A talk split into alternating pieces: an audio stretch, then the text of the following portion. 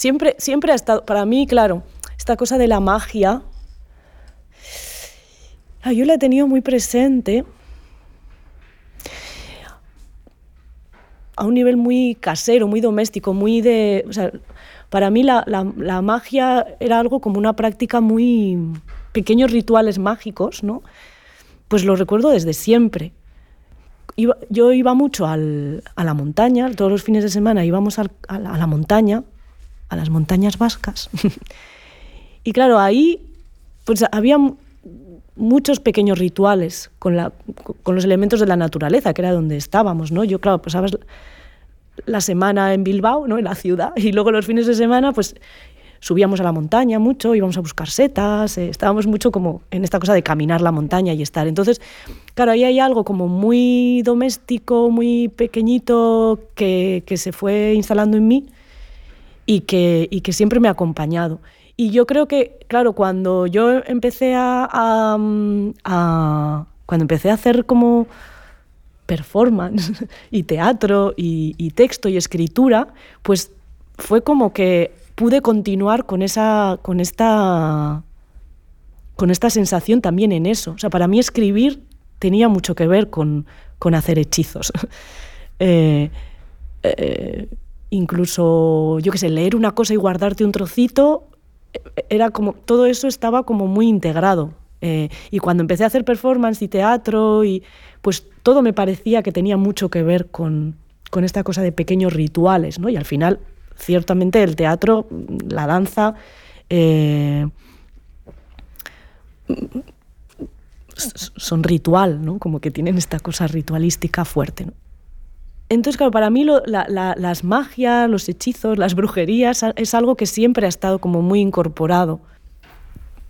Y creo en ellas como, de nuevo, como un espacio donde invocar y convocar, ¿no? Como, porque hay una disposición, como que el cuerpo se dispone y dice, vale, ahora en este momento he salido aquí y me he colocado exactamente así y el, y el sol me está dando exactamente así y esto es este espacio de tiempo que tiene que ver con esto, con esto, y ¿sabes? de repente hay una, una construcción que tiene mucho que ver con atención y presencia, que yo creo que atención, presencia, tiempo, espacio y fisiología es lo que a mí me apasiona de esto que llamamos performance, ¿no?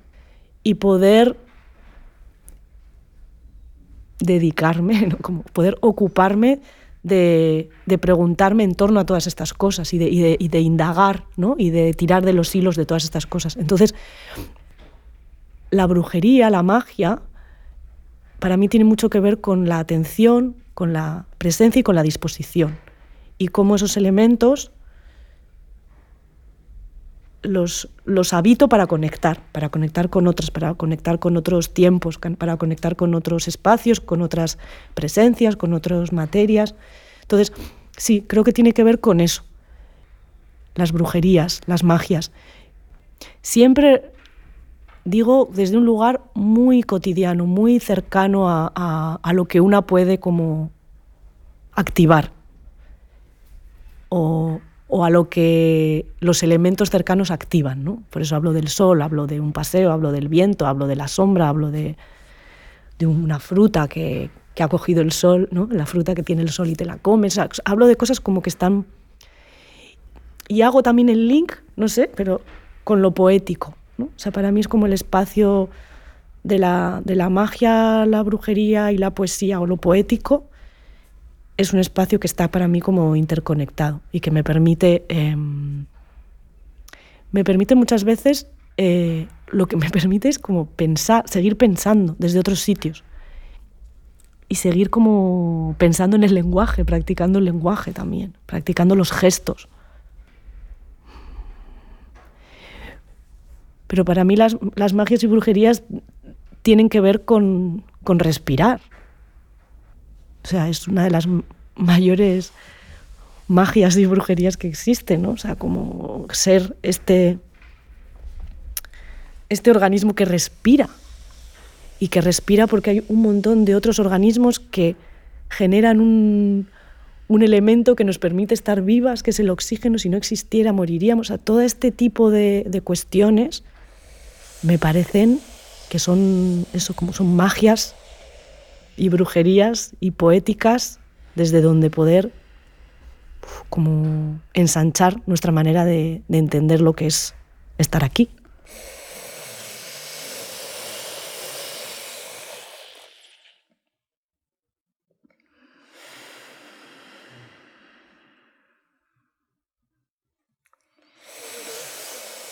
El trabajo del artista Itchazo Corral invoca un amplio glosario de conceptos, medios y prácticas que exploran el más allá de los límites de las definiciones cerradas, extendiendo en el mismo gesto el campo de posibilidades de aquello denominado como artes vivas. aliento. Aliento. En su hacer, la fisiología, el lenguaje o la magia convocan espacios y tiempos desde los cuales vibra en interconexión con distintos organismos, buscando aproximarse al sentimiento, más allá que dar una respuesta a aquello que más le preocupa. ¿Qué significa estar viva?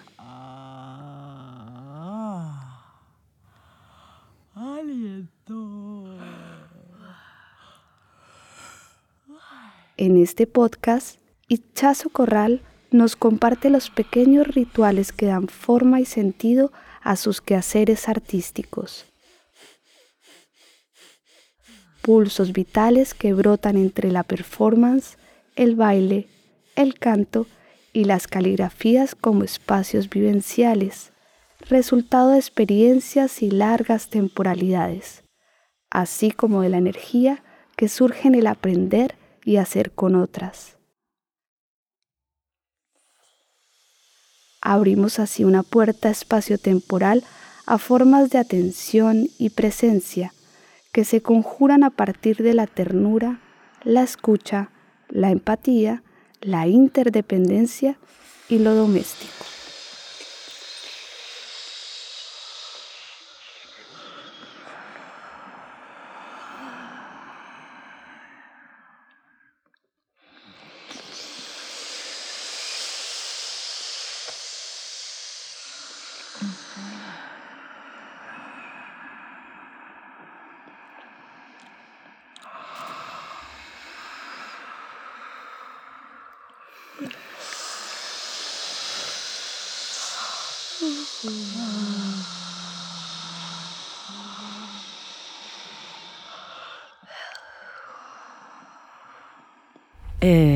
Chándal y el boli, un buen lugar para, para comenzar. Que no es mía la cita eh, del chándal y el boli, es, será, es de muchas compañeras ¿no? que nos hemos encontrado ahí en esta cosa, pero sí, es que es algo que yo nunca he vivido así, ¿no? Es como que eh, la tensión viene de, de que no lo vivo así, o sea, que no vives algo de una manera, pero cuando interactúas con el fuera o con el afuera, te encuentras que, que, está en esa división o en esa tensión, ¿no? Entonces, eh, me ha pasado muchas veces de estar en, en encuentros con otras artistas que vienen de, pues también ¿no? del, mundo de la performance o artes vivas o todos estos nombres que se van poniendo, artes escénicas, todos estos nombres que se van poniendo a, este, a este cúmulo de, prácticas. ¿no? Y entonces había momentos de, bueno, ¿y ahora qué hacemos? ¿Chándal o boli? ¿no? Como ahora nos ponemos el chándal y le damos al cuerpo o ahora hacemos un rato más de boli y de mesa y de, y de silla y de cuaderno. Y claro, para mí eso es que es una cosa que no existe. O sea, nunca me ha parecido que, el chándal no tiene boli y que el boli no tiene chándal. Y que una, una está en el cuerpo o habita el cuerpo constantemente, ¿no? Está en ese habitar esta cosa que llamamos cuerpo, que es, tan, que es tantas cosas y tan múltiple, y en esa vivencia y en ese estar ahí, en esa permanencia, en esta forma, pues van pasando muchas cosas, ¿no? Que, que, que pasan por la mano o por el pie, por el cerebro, por el sistema nervioso, hace poco con una, con una amiga, bueno, yo estaba haciendo una, una performance y, la, y las personas que me acompañaban tomaban notas o hacían dibujos mientras pasaba la, la performance. Y hubo un momento que una, una, una amiga me, me, enseña, me dice, mira, mira qué dibujo ha salido, ¿no? Y era como una especie de la mano llega hasta el pie, ¿no? Y había dibujado una mano que atravesaba todo el cuerpo y llegaba hasta el pie. Parece ser que yo en la performance dije esa frase, pero, pero, pero sí, ¿no? Ahí está, o sea, la mano que llega hasta el pie, el pie que llega hasta la mano, o sea, este cuerpo que está como interconectado constantemente y que, y que escribe, que piensa, que baila, que se mueve, que respira, que, que conversa con otras, que, que, se mezcla constantemente con, con, todo lo que hay a su alrededor, ¿no? Entonces, sí, yo siempre he vivido con mucha tensión esta cosa de ahora pensamos, ahora escribimos, ahora bailamos y, he tenido mucha dificultad con mi práctica siempre. Yo empecé haciendo, pues, aprendiendo con otras teatro de texto, ¿no? Empecé como desde ahí, desde el teatro de texto, y luego he ido por millones de recovecos, ¿no? y, y, y, desde siempre para mí había esta tensión, ¿no? Entre ahora nos vamos a poner a hacer el texto y ahora nos vamos a poner a hacer la voz y ahora nos vamos a poner a hacer el cuerpo y era como, pero si es que va todo junto, si es que quién es capaz de dividirlo. O sea, para mí siempre me ha parecido más difícil dividirlo que juntarlo, porque está como junto. Y que son cosas muy obvias, pero, pero que parece que no, pero cuando estás eh, dentro del trabajo te encuentras muchas resistencias y, y muchas separaciones. Y yo me he encontrado muchos problemas para poder trabajar incluso porque las cosas que yo he podido ir haciendo y que voy haciendo y se han quedado como fuera de, de, de, ciertas definiciones. Y entonces yo siempre he intentado mucho, parte de mi trabajo tiene mucho que ver con nombrar y buscar definiciones a las cosas, no tanto para yo darme definiciones a mí misma, sino como para generar otros espacios de, significado también y de, y de y de poder hacer desde un lugar donde las cosas están conectadas. O sea, nunca he entendido, o sea, mentira, he ido entendiendo por qué se hacen estas separaciones y, es un tema que tiene que ver también para mí con cuestiones de poder y cuestiones de disciplinar. Y eso lo he ido entendiendo con el tiempo, pero, pero mi manera de hacer ha salido desde, desde un cuerpo que, que, no está separado y que, y que piensa, hace, respira al mismo tiempo, ¿no? No sé. Que ya no es solo una separación mente-cuerpo o pensamiento-cuerpo, es que va más allá. O sea, es una separación como de de lo vivo. Es como si dijéramos lo vivo hay que hacerlo como a trozos y de cada trozo se va a ocupar alguien pero de, de, las conexiones entre las cosas, igual mejor que no se ocupe nadie. No vaya a ser que, que, que, entendamos algo que va un poco más allá. No sé, es mi sensación. Nunca he grabado un poema, esto es, esto es antinatural para mí. Bienvenida a la radio Magma. la abrazamos la Es que yo nunca grabo, o sea, ¿cómo puedes grabar las cosas? No se pueden grabar. Vale, vengo, vengo, vengo, vengo, vengo, vengo, vengo. Vengo, vengo desde, vengo desde, vengo desde, vengo desde, desde, desde, vengo desde lo antiguo. Vengo, vengo desde lo antiguo, vengo desde lo antiguo. Para mí el acto de, hablar, como de poder contar cosas a otras y escucharnos y ver qué ha pasado ahí, no te ha entendido, no te ha entendido, o sea, como todo este mecanismo de lo que se llama la comunicación a través de la palabra, que para mí va más allá de la palabra, ¿eh? como tiene que ver con lo sonoro, con la vibración, con todo lo que transmites en esta cosa de, de salirte del dentro hacia otra y de la otra hacia ti, ¿no? como esta, este intercambio que para mí es el lenguaje.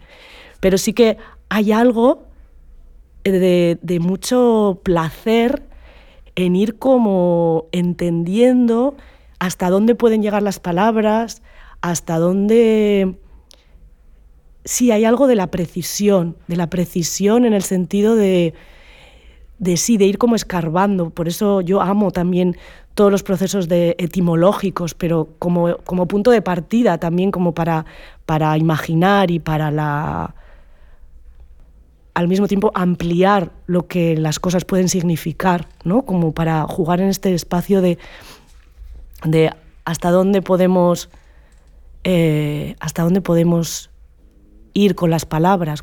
Claro, es que lo de la etimología y pensar que hubo un momento en el que alguien hizo determinados sonidos o los puso en relación porque estaban conectados con algo que deseaban decir o que deseaban nombrar con mucha fuerza. O sea, para mí todo esto me, me parece fascinante.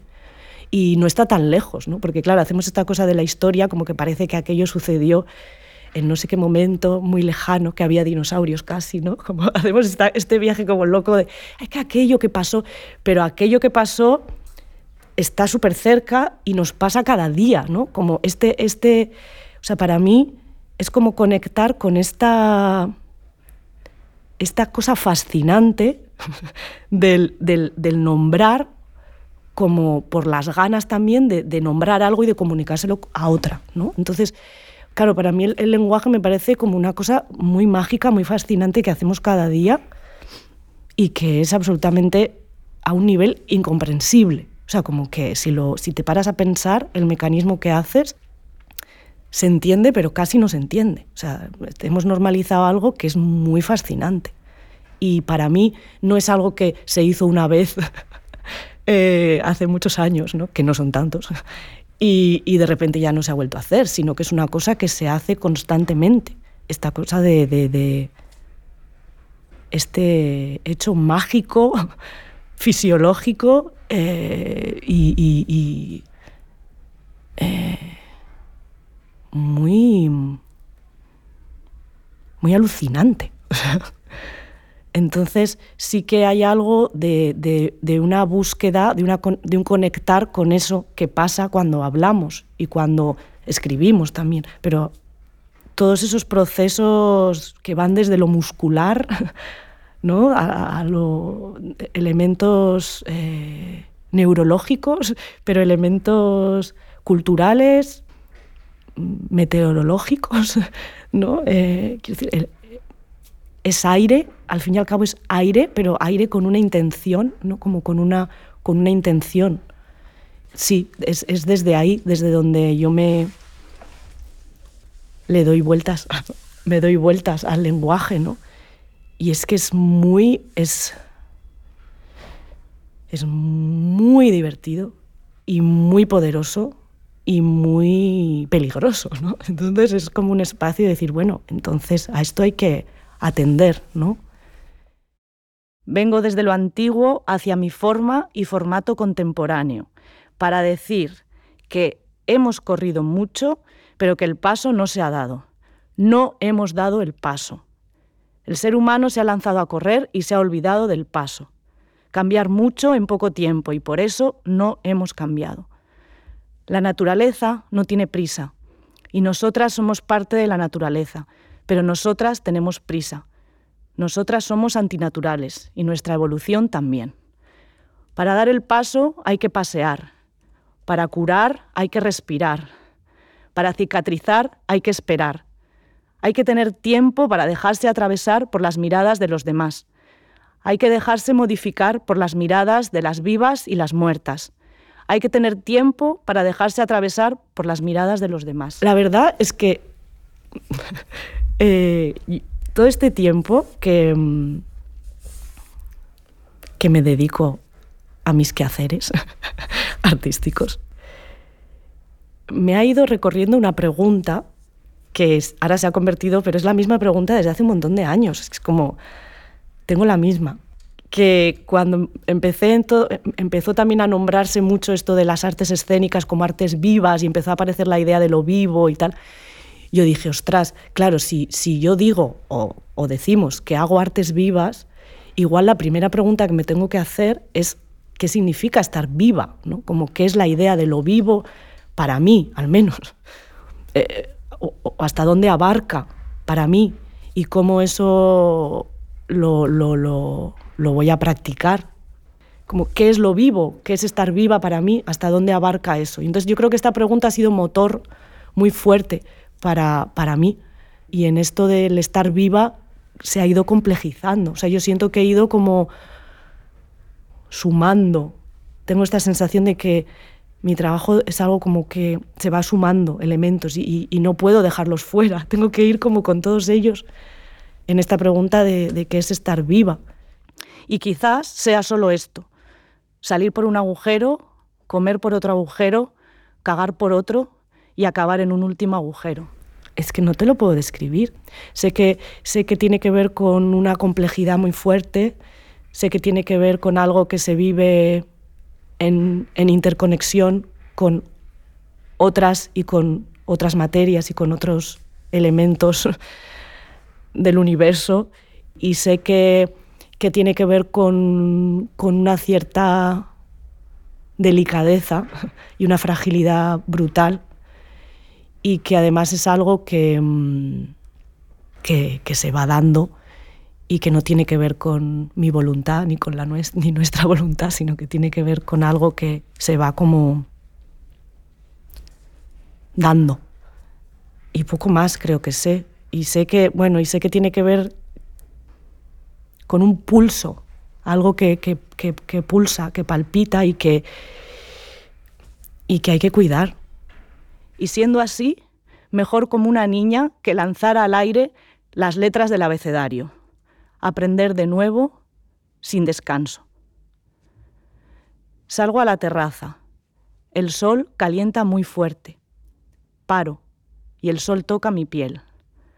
Brazos, pies, cabeza, cara, cuello y paro. No puedo hacer otra cosa. Esta superioridad del sol me pone en mi sitio. No hay muchas cosas tan importantes como el sol. Mi cuerpo entero se rinde ante él. Mi mente ha desaparecido. Creo que acabo de entender miles de años de adoraciones al astro rey, a la diosa sol. Aunque sé que se me olvidará rápido, pero estoy aquí y quema mi piel, quema mi piel, quema mi piel. No me necesita. No hay nada más que decir, no hay nada más que hacer.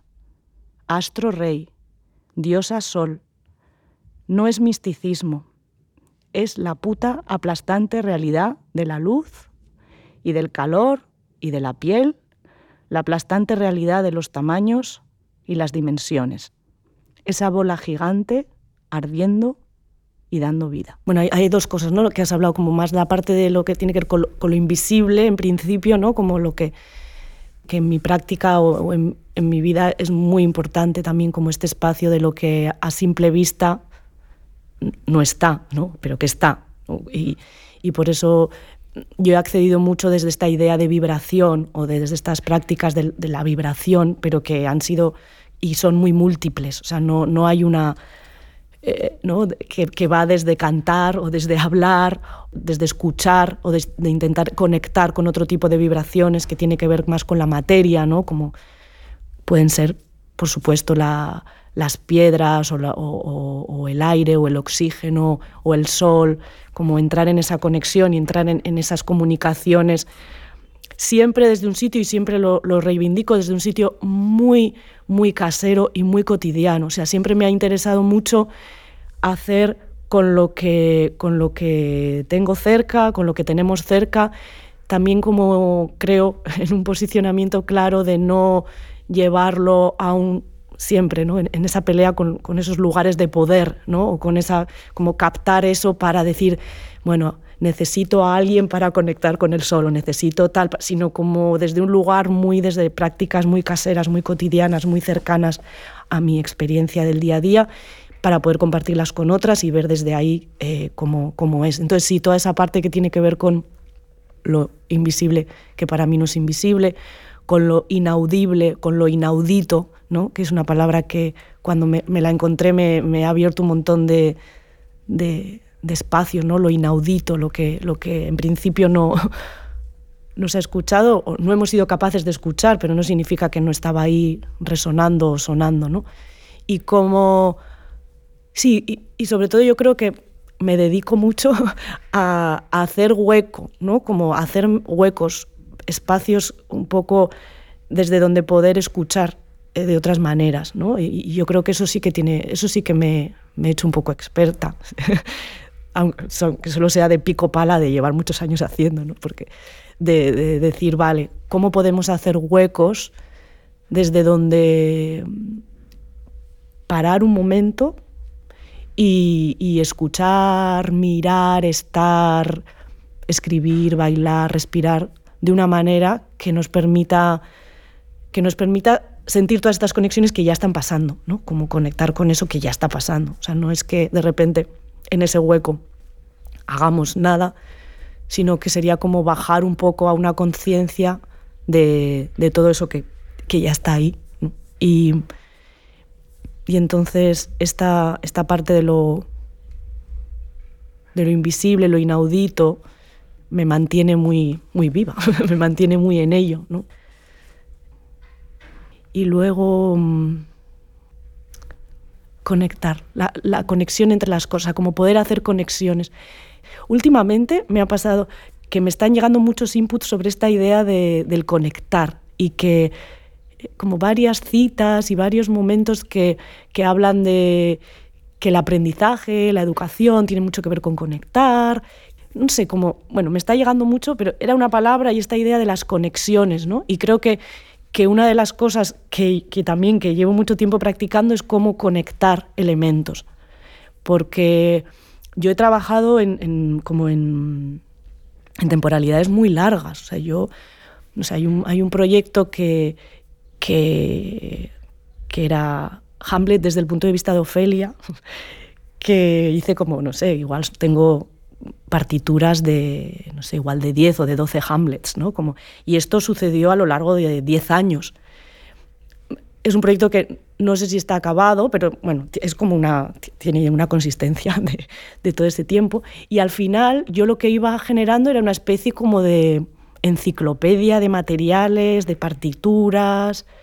Bueno, cuando hablo partitura es porque funciono mucho también para pensar las performances o un taller o pensar una, a una propuesta que tenga que hacer a ese nivel, la pienso mucho como en partitura, guion partitura. Eh, y, entonces esta, esta, este Hamlet desde el punto de vista de Ofelia al final se acabó convirtiendo como en una especie de cajas que están llenas de materiales que cuando yo mm, tenía una invitación a, hacer algo performativo, yo con todas esas cajas tomaba una serie de decisiones de elementos y en, la performance eh, activaba esos elementos y conectaba esos elementos allí.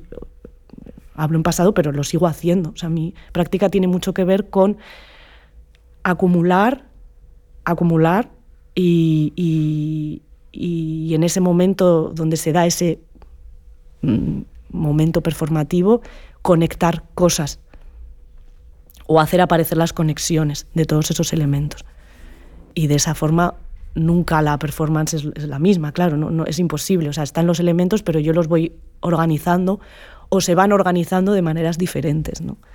No, no es una cosa que nace solo de mi voluntad, sino que tiene que ver con invocar y convocar todos esos materiales allí y yo, un poco como antena o medium, eh, como conozco esos materiales y ellos me conocen a mí, pues eh, de alguna forma ocurre algo en ese, en ese vivo, en ese estar ahí, juntas.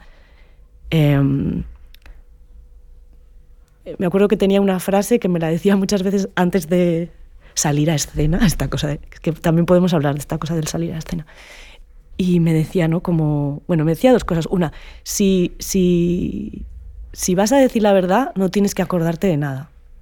que esto tiene que ver con otra cosa que ahora, ahora explico. Y, y otra frase que era como, Mm, no te preocupes, es que las cosas se van a conectar.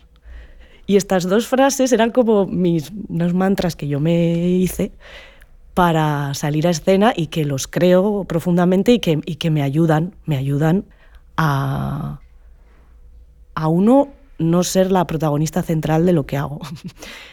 y dos, centrarme en lo que me tengo que centrar, que es en posibilitar que todas esas conexiones puedan emerger, o sea, dejarles espacio, generar, sí, disponernos, favorecer disposiciones, diría. favorecer disposiciones.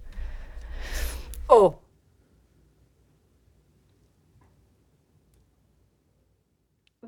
Os, no sé cómo había que ser. ¿Qué hay que hacer? Os, os. Toda- ¿Todas Claro, os como- o...? Sí, claro, todos estáis intentando. Y esto que quería decir de... mm, Pero seguimos en círculo. Si vas a decir la verdad no tienes que acordarte de nada. Esto tiene mucho que ver porque, claro, yo empecé con, con teatro de texto, aprendiéndome textos. Es más, hicimos de final de, como de, de carrera en esta escuela de teatro donde yo estudiaba, hicimos un Hamlet donde como en aquel momento éramos casi todo mujeres, pues hicimos, se cambiaron los roles, ¿no? Entonces las mujeres hacíamos los papeles masculinos y, y, y los hombres que había en clase pues hacían los femeninos. Y a mí me tocó hacer Hamlet. Entonces yo me aprendí Hamlet, que además eh, me aprendí eh, haciendo el análisis sintáctico de todo el texto de Hamlet. O sea, para aprendérmelo hice como todo un análisis sintáctico. A mí siempre me ha encantado, me gusta muchísimo la sintaxis y la gramática, es que amo. Y entonces lo disfruté, o sea, me hice todo el análisis sujeto, predicado, verbo, tal, no sé qué. Y así me aprendí el texto. O sea, que yo he aprendido muchos textos y, heavies, o sea, pero hubo un momento en que me empezó a aparecer la pregunta de, eh, uno, mm, ¿qué pasa con esto de aprenderse un texto? ¿Sabes? Como, porque hay esta idea de, bueno, pero luego tú cada, cada noche, cuando sales a escena, eh, lo, lo, lo haces vivo, ¿no? Lo, lo- le das vida. Pero para mí había algo ahí que no, no me convencía nada.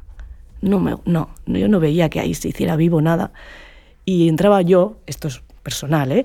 en, mucha, en mucho conflicto con esta cosa de cómo yo, en relación a lo que a mí me está empezando a interesar trabajar, que yo tampoco...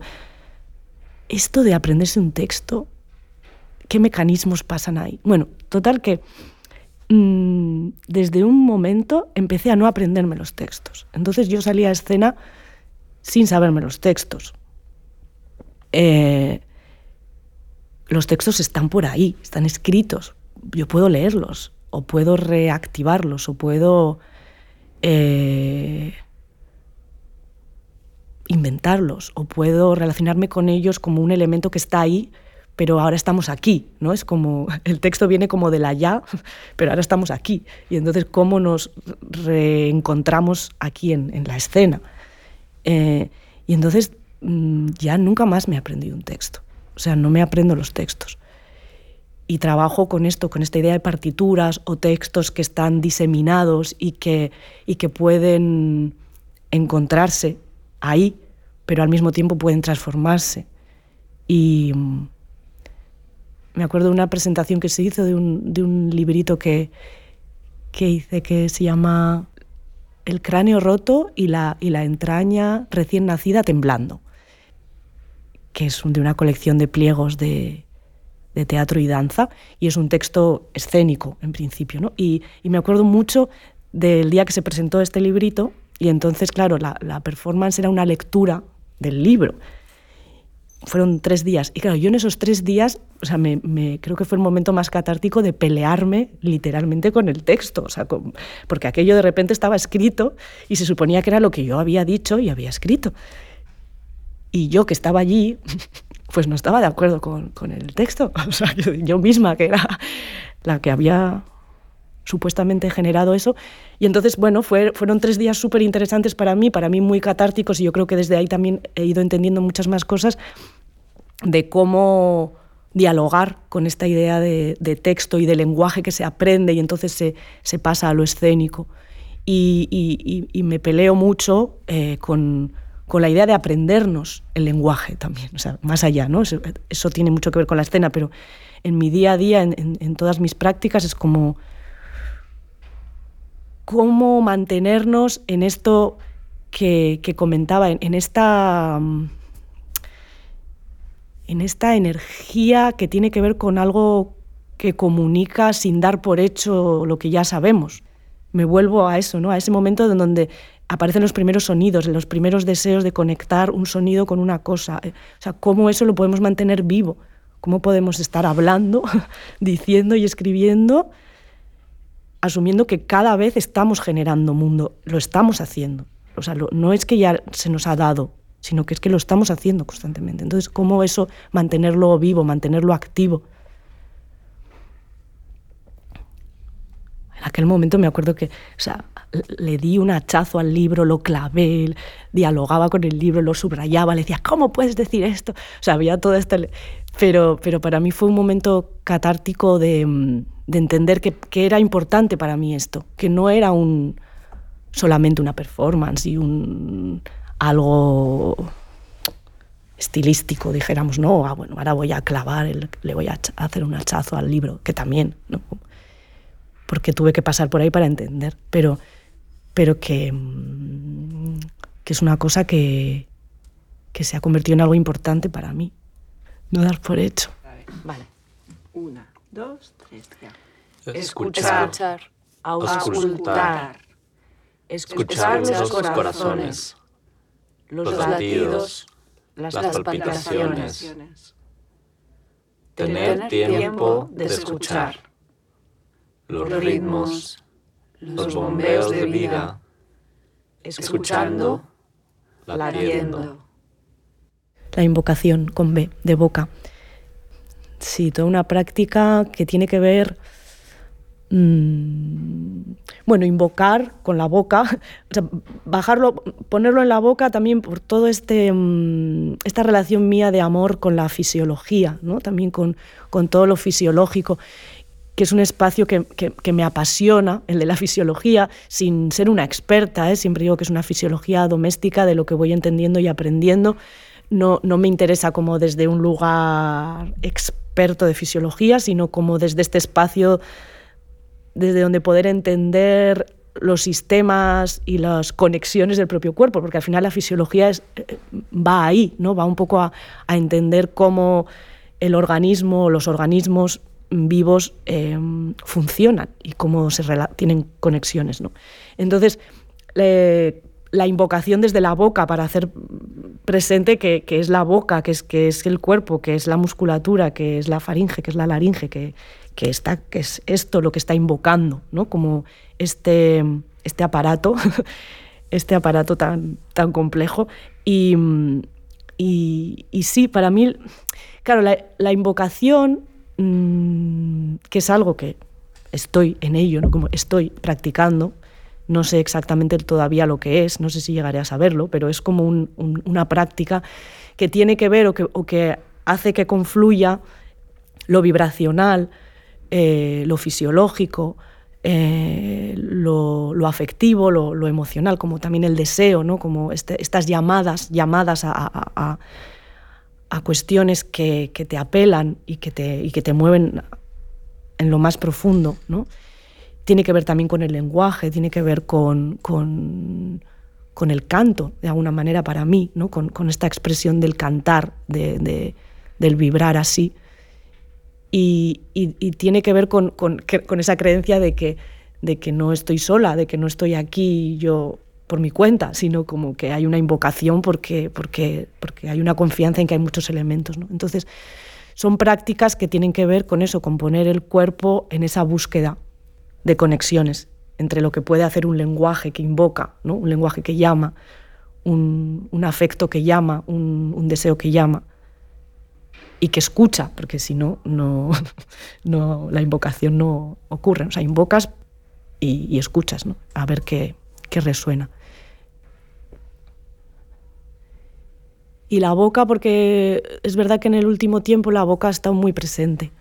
Hice una, bueno, como una, una propuesta escénica que se llamaba Mandíbula y, también todo este trabajo con lo fisiológico para entender que, que se engancha en cada lugar, ¿no? como poder profundizar en la mandíbula, entender un poco su, su anatomía, pero entender también con qué está relacionada, qué fuerzas mueven, ¿no? Como la musculatura, que la musculatura sí es algo físico, pero al mismo tiempo es algo que opera cada día y por lo tanto va, va tomando rastro de, de, todo lo que nos pasa cada día. Eh, y, entonces, y la mandíbula va diciendo, ¿no? va, va estando, eh, incluso va diciendo por las noches, ¿no? tenemos este, gran problema que se llama bruxismo, que es un tema muy misterioso en el sentido de que le pasa a muchísima gente, pero se sabe muy poco de, este, de esta cuestión. Yo también soy bruxista y hay más de una aquí. Y, bueno, es la mandíbula sigue hablando por la noche ¿no? y está ahí soltando y está como nos está contando cosas bastante potentes ¿no? como sociedad. Entonces, bueno, eh, mm, eh, es desde ahí, es desde ahí, desde donde voy trabajando, ¿no? Como decir, vale, mandíbula. Voy a poner foco aquí, desde esta palabra, ¿no? Desde, es una palabra, es, una invocación, es un espacio, es algo fisiológico, es algo afectivo, es algo que... Mm, algo, bueno, es un ente que me conecta con otras. Bueno, no sé, entonces a partir de ahí es cuando empiezo como a ir eh, elaborando y trabajando y como excavando un poco en ese espacio para poder compartir desde ahí. Creo que el, músculo más fuerte, no sé si es la lengua, y luego, claro, la, a nivel de... A ver, es que la mandíbula está hecha para matar, o sea, para defendernos, para rasgar. Y estamos ahí con ese bruxismo que, que, que yo a veces me estoy despierta por la noche y, y pienso, joder, la de personas que hay en su cama haciendo...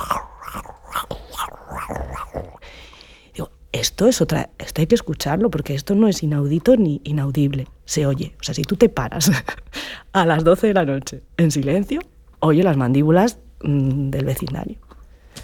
Y a, mí se me ponen los pelos de punta, porque eso no, es eso no es inaudible, no es inaudito, eso está ahí. Bueno, entonces, bueno, como eso, muchos, muchos elementos, ¿no? De, que a mí me sirven también para preguntarme qué, qué, qué es el cuerpo, o sea, como, qué son nuestros cuerpos, hasta qué punto nos importan, qué nos importa, qué nos importa del trato que, que nos damos a los cuerpos, a nuestros, entre nosotras, si la pregunta es qué es estar viva, mm, hombre, si soy artista de lo vivo, eh, me tiene que importar, ¿no? Me tiene que importar cómo, cómo nos tratamos los cuerpos. O sea, una misma y entre nosotras.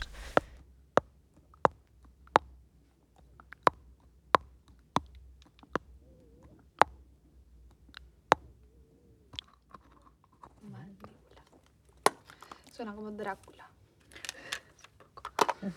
sí. de nuevo. Mandíbula. Hay muchas influencias. Es verdad que yo eh, empecé con el teatro de texto, muy texto, texto, ya te he dicho como, eh, he dicho, ¿no? como Hamlet y Chekhov y Tennessee Williams, o sea, como las cosas que se estudian en el teatro de texto. Bueno, pero también luego más, estaba, en aquel momento hacíamos muchos textos de Rodrigo García, que en el momento era como los textos así como rompedores y eran los que empezábamos también a hacer, no solo los clásicos, sino como... Y bueno, teatro griego también, ¿no? Como todas las, las tragedias. Yo empecé muy ahí, pero es cierto que desde, desde el primer momento, y, y todo esto, mira, me pasó porque tuve un profesor de, de voz en la escuela, eh, Juan Carlos, al que tengo súper presente, como de toda la vida, ¿no? Y fue un profesor de voz que, claro, su manera de, de, practicar, de enseñar y de compartir el aprendizaje de, de, la voz, ¿no? Claro, era un lugar muy holístico, muy conectado. Entonces, claro, eh, la manera en que él proponía trabajar la voz eh, era una implicación total del cuerpo, de los afectos, de las emociones, del pensamiento, del espacio. entonces, claro, em, yo creo que desde ahí, fíjate, del encuentro con, con, este, con este profesor, eh, ya hubo algo en mí que, que, se, que se disparó, que se abría, ¿no? Como, entonces, eh, yo estudié teatro de texto, pero después he hecho mucho, muchos años de, de danza. Eh, allí en la escuela también hacíamos como danza, teatro, o sea, como lugares también he explorado, o sea, he estado en, en, un montón de talleres de clown, de interpretación desde millones de lugares, porque siempre he tenido como mucha curiosidad de ver cómo una misma cosa o cómo algo que para mí era lo mismo, se le entraba como de sitios muy diferentes. Entonces, claro, yo tenía mucha curiosidad en, esta cosa de, de, mm, de, cómo seguir entendiendo el hecho escénico o como desde múltiples lugares. Y, luego sí, también estuve en París, en la escuela de Jacques Lecoq, que ahí se trabajaba más como trabajo más físico, hacíamos máscara. Eh, o sea, he, pasado por muchos, muchos lugares, eh, siempre que he podido, eh, como que me han interesado mucho los espacios de formación, porque era una manera de encontrarte con más gente y de, mm, y de seguir como con este misterio del hecho escénico y del teatro y tal, pero como de lugares muy distintos, ¿no? Como... Y claro, en, en ese espacio tan lleno de múltiples eh, maneras de entrar, pues claro, yo fui desarrollando un, lugar muy mix de, Para mí la pregunta era esa, era cómo, cómo, cómo se da esa, esa comunicación, cómo se da ese hecho performativo, cómo es, desde dónde le podemos entrar. Y, entonces, sí, fui como practicando muchas teorías, métodos, eh, eh, maestros, maestras varias, eh, siempre que podía, sí. Sobre todo porque eran espacios donde te coincides con otras. en aprendizaje, que eso es guay, porque no había... Claro, cuando, ya te pones como a, a trabajar, entran cuestiones que tienen que ver con resultados, con expectativas, con... Pero a veces, no siempre, a veces los espacios de intercambio, los espacios de, mm, aprendizaje, no siempre, y cuando se cruza la interpretación por el medio es más difícil, pero, pero a veces son espacios donde puedes practicar con otras simplemente por el hecho de, de, de, practicar juntas y de aprender juntas y de descubrir como, ah, mira esto y esto. Entonces, esos espacios a mí siempre me han interesado mucho que serían espacios de aprendizaje, ¿no? Como, sí, porque se desactivan determinadas cosas. Si, si están planteados con ternura, se desactivan cosas y entonces te permite, te permite aprender. Mm, mm. O sea, que llega a ti y no... Pero hay que dejarlo acabar. O sea, lo dejas acabar y lo comienzas. Porque bueno, si no, a ver, si olas aureolas. Entonces, cuando yo hago la ola, tú ya puedes empezar con las olas. O vuelvo yo. Pero es el O sea, tú solo harás uno entonces. Sí. Vale. vale. O sea, incluso cuando estoy sola en escena, que me ha pasado muchas veces, es que, claro, es que hay muchos elementos. ¿no? Nunca lo pienso como, como yo, Chaso sola. Siempre lo pienso. Están todas las lecturas, todo, todo, todo lo que he ido aprendiendo de otras y siempre lo reivindico, ¿eh? no es una cosa como que lo digo así como, sino que es parte del trabajo, reivindicar también todo eso, todas, todas las voces que, que, que me acompañan y que me hacen ser quien soy y que están ahí invocadas y convocadas para que pase lo que hoy viene a pasar. ¿no? Vamos. Las palabras emanan, propagan, auto se desprenden, se desprenden del cuerpo. Words este planeta no irradiando flujo y palabras tiene su a mi boca línea y les doy sonido. Viajando. Les doy a toda velocidad. sound for you. hacer un instante. Fites, diseminando aureola salos auras. Abrir Fites. y evitarlo. Desde luego el pasear es, un, es un, una práctica que a lo largo de los años se ha ido como repitiendo y que, por supuesto, es que pasear para mí es clave como en mi vida. Eh, ahora que paseo menos, porque bueno, tengo menos tiempo, con la maternidad es otro tipo de pasear, lo, lo hecho en falta, o sea, es algo que, que, es como muy saludable para mí, o sea, me, me, permitía pensar, me permitía salir de bucles, el cuerpo, ¿no? Como como decía mi padre, quien mueve las piernas mueve el corazón, ¿no? Y era como esta cosa de, venga, quien mueve las piernas mueve el corazón. Al monte, para arriba. Y, el pasear, el caminar, me, ayuda mucho. Y, como práctica compartida también y, práctica es como sí, es como una, una herramienta que, se ha ido repitiendo y que además se ha ido cogiendo como consistencia también, ¿no? Como que se ha ido, se ha ido posando, se ha ido posando y posando. Y, y sí, el paseo, ¿no? Como el paseo también como espacio de encuentro con, la arquitectura de la ciudad, ¿no? Como, también como con la ciudad, con la ciudad, con, lo que hay en, el, en lo urbano, ¿no? y con la gente, y con los barrios, y con los parques, y, como con todos estos elementos que, configuran este ecosistema, este hábitat donde, donde vivimos, ¿no? que es la ciudad. Y, también por la conexión pues, con el cielo, con el sol, con, la, con el mar, con el aire, con, como con lo meteorológico también, ¿no? como con las condiciones climáticas y poder ver el cielo, ¿no? como el cielo también sería otro, otro espacio muy importante en, en mi trabajo, como esta conexión con, eh, lo extraterrestre, lo terrestre, ¿no? el, globo terráqueo, el espacio, el cielo, todos estos elementos que, están constantemente con nosotras y que, mm, y, que, con los que tenemos esta relación de interdependencia tan, tan brutal. ¿no?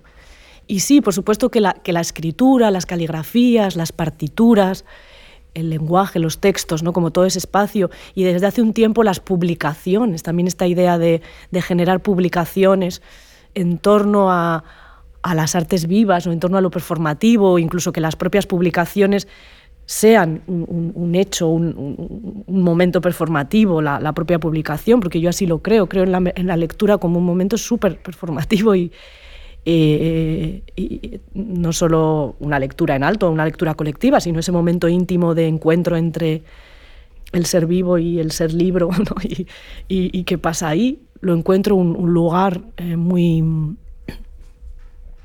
muy performativo y que tiene mucho que ver para mí con el cuerpo, con la danza, con, con el movimiento, con, con, todo esto, ¿no? con la vibración, con el sonido.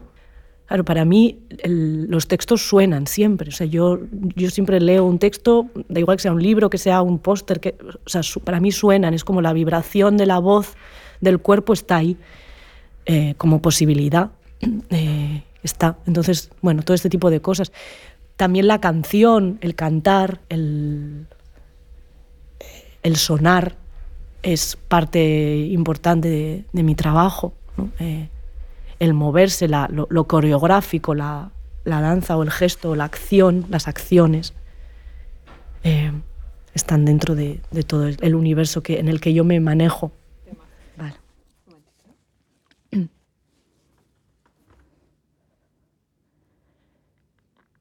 giramos,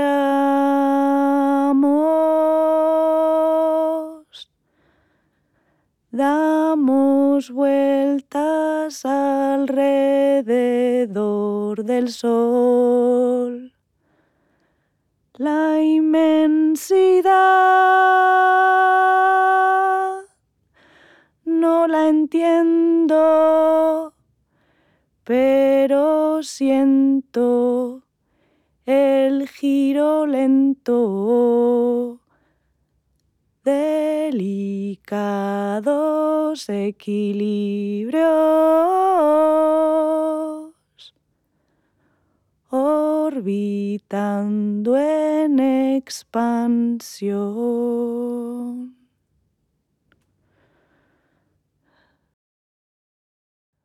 En lo sonoro, así, ¿eh? como yo siento que también he hecho como un, recorrido muy largo, ¿no? Como que empecé de una forma muy intuitiva, como que lo sonoro para, llegaba para mí mucho a partir de la voz, ¿no? O del trabajo con la voz y la vibración y el trabajo de voz y personajes también, ¿no? Como este trabajo más como desde ahí. Y, mm, y yo creo que después a través de los diferentes encuentros con otras compañeras, muchos años también de trabajo en Poderío Vital con Oscar Bueno, que él, él es compositor, músico, ¿no? aparte de muchas más otras, cosas, pero yo creo que ahí también eh, entre Oscar y yo fuimos como mm, eh, aprendiendo un montón de cosas y, explorando muchas posibilidades de lo que era lo sonoro, ¿no? como hasta dónde podía ser esto de lo sonoro y, y qué era esto de un grupo que hace canciones y que hace música y hasta dónde eso se puede como explorar, explorar, explorar, explorar en sus formas y formatos, ¿no? Y, yo creo que ahí hubo, compartimos un camino muy, muy, muy profundo de, de exploración sobre qué es una canción, qué es lo sonoro, como hasta dónde llega eso. Em, hasta dónde eso se puede explorar también en, el, en, la escena o en publicaciones o en esta idea de un concierto expandido, un concierto que duraba un mes ¿no? y que pasaban un montón de cosas eh, en un mes, y, pero todo era parte del mismo concierto, entonces teníamos como que sostener toda esa partitura que no podía caer nunca en un mes. ¿no? Como, o bueno, millones de aventuras que hemos vivido juntas.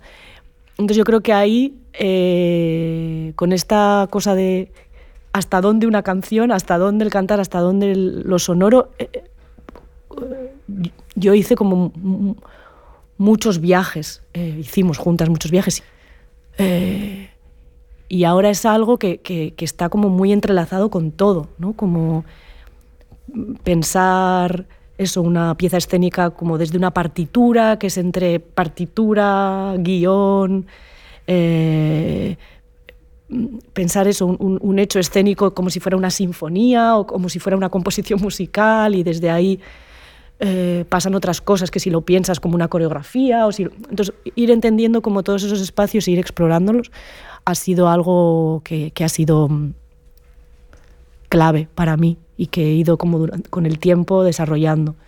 Y, yo que sé, ahora mismo pues con estas visitas que hago en el, en el museo de Comsona, un Museo, em, que eso, bueno, estaba Ángela Peris y Jorge Hornos, que, que son quienes eh, arrancaron ¿no? con el equipo de educación del museo, arrancaron esta, esta propuesta y ahora estamos Jorge y yo. Y, y es esto, ¿no? Es también una pregunta acerca de cómo hacer sonar un museo y cómo vibrar ahí, qué preguntas surgen en todo esto, ¿no? con, el espacio, el cuerpo, eh, la arquitectura, la luz, eh, todo esto, las obras, el arte, cómo suena, si suena, qué suena, qué no suena, qué resuena, todo esto. Así que está, está ahí. ¿Qué es un gesto, como algo que decís mucho, como visto como hay gente que hace... Eh, Sónica. no lo sé. Eso Ricardo, que me ha quitado todas las muletillas. Porque podríamos hacer como... Oh, oh, Tú deberías hacer sónica o sfónica. ¿Esfónica? O ¿Y cambiando o, o los dos? ¿Sfónica? Yo daría sfónica, sónica. Sfónica, sónica. Sfónica, sónica. Sfónica, sónica. Y nosotros mantenemos el... Sfónica, sónica. Vale. Sfónica. Fónica, fónica, fónica, fónica, fónica, fónica, fónica, fónica, fónica, fónica, sónica, sónica, sónica, sónica, sónica, sónica, sónica, fónica, fónica, fónica, sónica, sónica, sónica, sónica, sónica, sónica, sónica, sónica, sónica, sónica, sónica, sónica, sónica, sónica, sónica, sónica, sónica, sónica. Eh, botanografías callejeras. Pues mira, este es un, esta es una aventura que en realidad yo ya hacía fotografías por gusto con mi móvil de las plantas que me encontraba en, el asfalto, ¿no? como estas plantitas que, que, nacen ahí rasgando y que a mí me fascinaban. O sea, me parecía como, wow, o sea, esto sí que es supervivencia, ¿no? como esta cosa tan amaba, o sea, amo. ¿Qué pasó? Que cuando vino la... Esta cosa que pasó, ¿sabes? Que hubo una pandemia. que parece que pasó hace mucho, pero pasó hace nada bueno, que cuando estuvo esto de la, de la del confinamiento más, ¿no? Y que, que, no podíamos salir de casa, salíamos muy poco. Y, y, empezamos a salir. Y entonces hubo esta cosa que muchas nos dimos cuenta, ¿no? Que hubo una, una explosión de lo vegetal, ¿no? Porque había estado salvaje y entonces estaba, estaba como, como locas, ¿no? Estaban ahí, ¡guau! Y, y entonces ahí como que tomé más el hábito de fotografiar. Eh, lo hacía, pero muy, de forma muy esporádica. Y ahí empecé a sacar muchas fotos. Y también como a dar paseos y, a ir a ver estas plantas. En realidad tiene que ver con una cosa muy concreta, que es que cuando pasó todo esto del confinamiento, yo me ahogaba mucho. O sea, tenía mucha ansiedad con el respirar. eh, claro, de repente la idea de respirar y que, y que nos estábamos todo el rato como transmitiendo cosas en esta respiración colectiva, se hizo tan presente que yo tenía la respiración demasiado presente, o sea, era como súper consciente de la respiración. Entonces a veces me ahogaba, porque empezaba a pensar en la respiración y, me empezaba a ahogar. Entonces, en esta idea también de las pequeñas magias, brujerías y rituales, el sacar las fotografías de las plantas y el ir a visitarlas y mirarlas, simplemente como estar ahí, me ayudaba muchísimo a, respirar mejor. Por esta cosa que es que es obvia, pero porque ellas son las que nos dan el oxígeno para respirar. O sea, las plantas en, su mecanismo generan eh, el oxígeno que nos permite respirar y que nos permite estar vivas y nos permite no ahogarnos. Entonces, este, este sencillo ritual, o sea, este paseo que yo daba con las plantas, a ver a las plantas y estar con ellas, pues me, ayudó a calmar la respiración y, a, también a entrar en un lugar desde una humildad muy potente, de decir, bueno, o sea, gracias por querer que respire, porque si no queréis, mm, chao, ¿no? Como también en esta cosa como de, wow, eh, muy potente de, esta interdependencia mm, brutal, ¿no? Como... Y a partir de ahí eh, mm, empecé a hacer fotografías y, y empecé a hacer caligrafías en relación a estas plantas. La caligrafía es un... Yo llevo haciendo caligrafías como 10 años. Em, caligrafía. La caligrafía para mí es un espacio eh, súper importante en mi práctica, que durante muchos años nadie le ha prestado nada de atención. O sea, como, ah, vale, Ichazo hace caligrafías, en las performances hace palabras caligrafiadas. Bueno, llevo muchos años, se ha, ido colando de muchas maneras. Me han pedido un texto y al final lo he hecho en caligrafía. He ido desarrollando una caligrafía mía, o sea, tengo como una tipo que es como la, la que es mía, que a mí me gusta, que tiene también como sus, sus curvas, sus lugares. Y, me ha permitido pensar y todo este trabajo que hago con el glosario con el lenguaje y con las palabras, lo hago porque hago este espacio de lo caligráfico. Entonces, eh, lo que pasó es que empecé a hacer unas caligrafías específicas en relación a las plantas. Y entonces ahí eh, se empezó a sumar las imágenes con las caligrafías eh, botánicas que acabaron siendo una pequeña publicación, también una publicación póster y luego hice varios paseos performativos. Hice en diferentes barrios, en el barrio de Gracia y también en el Scores, invitada por, eh, por la caldera.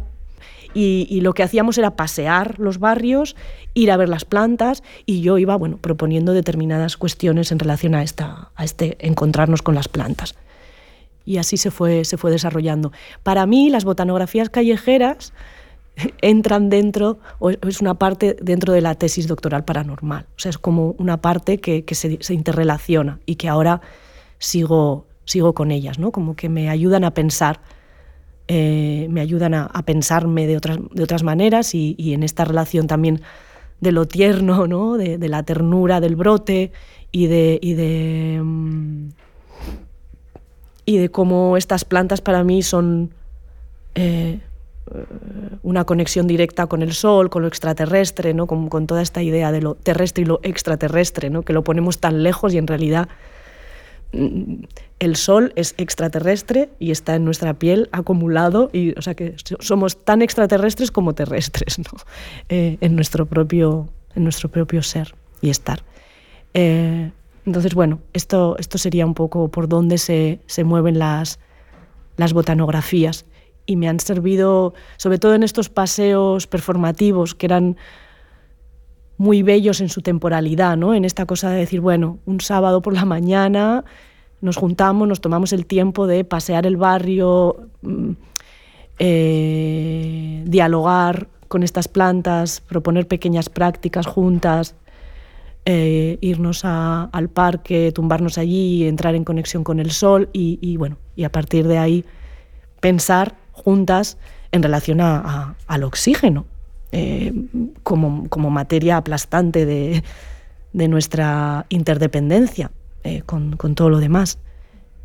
y desde ahí, ¿no? Cómo hacer. Planta, planta, planta, planta, planta, planta, planta, planta, planta, planta. Y en relación a las caligrafías, eh, sí que, mm, bueno, contaba esto, ¿no? Que, que yo llevo pues por lo menos 10, 11 años haciendo estas caligrafías y siempre se han considerado como un elemento secundario, ¿no? O como un elemento más de toda la, digamos, escenografía o, de todo eh, la acumulación de elementos que yo he ido haciendo, pero ahora los últimos, el último año de, repente ha habido como un interés en estas caligrafías que, que, ha, sido, ha sido muy bonito porque me ha puesto en la tesitura de tener que explicar qué son estas caligrafías, que era una cosa que yo hacía muy en la intimidad y que sí aparecían como cuadros, ¿no? como, pero yo a nadie le contaba qué, qué implicaciones tenía esto. Era como una práctica muy íntima. Eh, y entonces ahora ah, me han invitado a dar varios talleres sobre caligrafías en contextos muy diferentes y entonces me he visto en la tesitura de, de explicar, ¿no? no solo de explicar, sino de hacer un taller sobre las caligrafías. Está siendo muy increíble porque no es una, no es una técnica ni es nada, es, es, es para mí la caligrafía tal y como yo la entiendo, es nuevamente esto, este espacio que, donde se une lo vibracional con lo, con lo corporal, con lo físico, con el pensamiento, con, con el lenguaje, también con el dibujo, con, con esta, esta estas disciplinas que, que, se van como tejiendo, ¿no? porque para mí una, una de las, mis caligrafías son partituras que yo luego también uso en escena, o son cuadros, o son dibujos, o, tienen es un espacio meditativo también, porque yo hago estas caligrafías y, paso mucho tiempo en el papel, y paso mucho tiempo en el gesto, y paso mucho tiempo en, repetir una misma palabra o relacionarla con varias en una misma hoja. Y entonces es un espacio también meditativo, como de otra temporalidad, poder pensar el lenguaje desde un lugar visual, desde esta mano que llega al pie, ¿no? desde este cuerpo que, que está ahí en la palabra. Y, y, claro, y lo que significa también escribir a mano, ¿no? como entrar en, en, en la mano que escribe y que no escribe 100.000 palabras, escribe hoy una o escribe tres. Y luego entonces, todas esas caligrafías se han ido acumulando a lo largo de los años y, me siguen acompañando en los, en una performance o en un taller o en un, en un grupo de trabajo, están conmigo y es como la manera que tengo de, también de pensar, moviéndome. Es, es, es danza para mí también, eh, es coreografía. O sea, yo las, las, las, caligrafías para mí son, son coreográficas, son, es coreografía que luego me permite estar en escena también. ¿Qué, qué tenés? Yo tengo pulmón, pulmón, Pulmón. Pulmón vegetal. Pulmón vegetal. ¿Planta? Y hojas. ¿Planta? Planta. Hojas. Planta. Planta. Planta. Que también son hojas. Planta, planta, planta, planta. Húmedas. Húmedas, humedad, humedad, húmedas. Húmedas, humedad. Humedad, ¿Por qué le di esa? Porque dice humedad más grande. La tesis doctoral paranormal, cantada, bueno, cantada es entre paréntesis, pero tesis doctoral paranormal, nace o me se, nace, una vez termino de estudiar el, el PEI, el Programa de Estudios Independientes en el, en el MACUA. En realidad, como en ese programa se presenta una pequeña tesina final, para mí fue como el punto de partida para arrancar esta, esta tesis doctoral paranormal.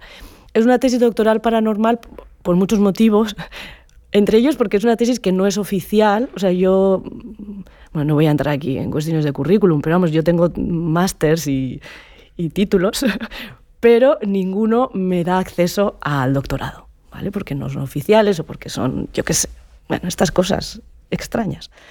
Entonces ya hubo un momento que dije, bueno, pero es que yo quiero hacer una tesis doctoral porque me apetece y porque voy a ser doctora, o sea, honoris causa.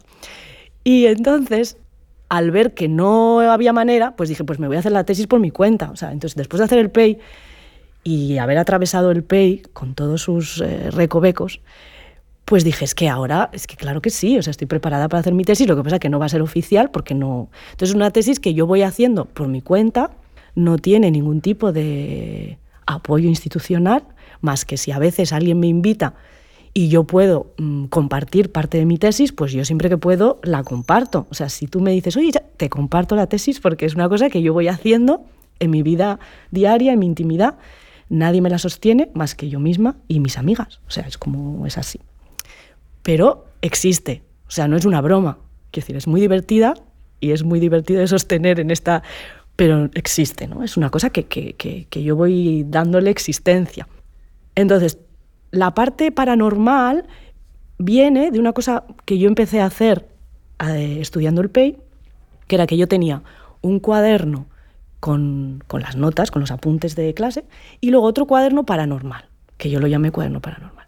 Y entonces yo ahí iba tomando notas, o sea, de cosas que pasaban en el PEI que a mí me parecían absolutamente, extraordinariamente fuera de onda, y yo las anotaba. Y entonces yo al final, la tesina final del, del PEI fue una performance, un hecho performativo, a partir de las notas paranormales. O sea, yo me quedé con, con eso. Las notas paranormales yo las defino, mm, o sea, son como son como puertas espaciotemporales. O sea, a mí me pasa algo en ese momento, ¿no? estoy en, ahí en clase o estábamos y me pasaba algo y entonces lo anotaba. Entonces, como una especie de puerta espaciotemporal para recordar esa vibración que sucedió allí que me pareció como extraordinaria y la, y la noto, pero son como, sí, como pequeñas puertas espaciotemporales. Y entonces, claro, en, el arranque de, esa tesis, pues, pues está muy vinculada a todo lo que yo viví en, el, el PEI y mi paso por allí. Y, y por eso está este tema de las voces legitimadas o voces no legitimadas, del pensamiento, del saber. O sea, eh, la tesis doctoral paranormal se hace estas preguntas, se hace las preguntas de qué es el saber, el saber ocupa lugar, qué lugar te ocupa el saber, exactamente, o sea, dónde se te mete el saber, dónde se te meten determinados saberes, hasta dónde mm, te colapsan determinados saberes o no, ¿qué, de qué estamos hablando. O sea, la pregunta de ¿de qué estamos hablando? Como podemos estar hablando de muchas cosas, pero ¿cómo las estamos hablando? Mm, lo que estamos hablando nos está llevando a, a un cómo estamos hablando, en el que ya no sabemos ni qué estamos hablando.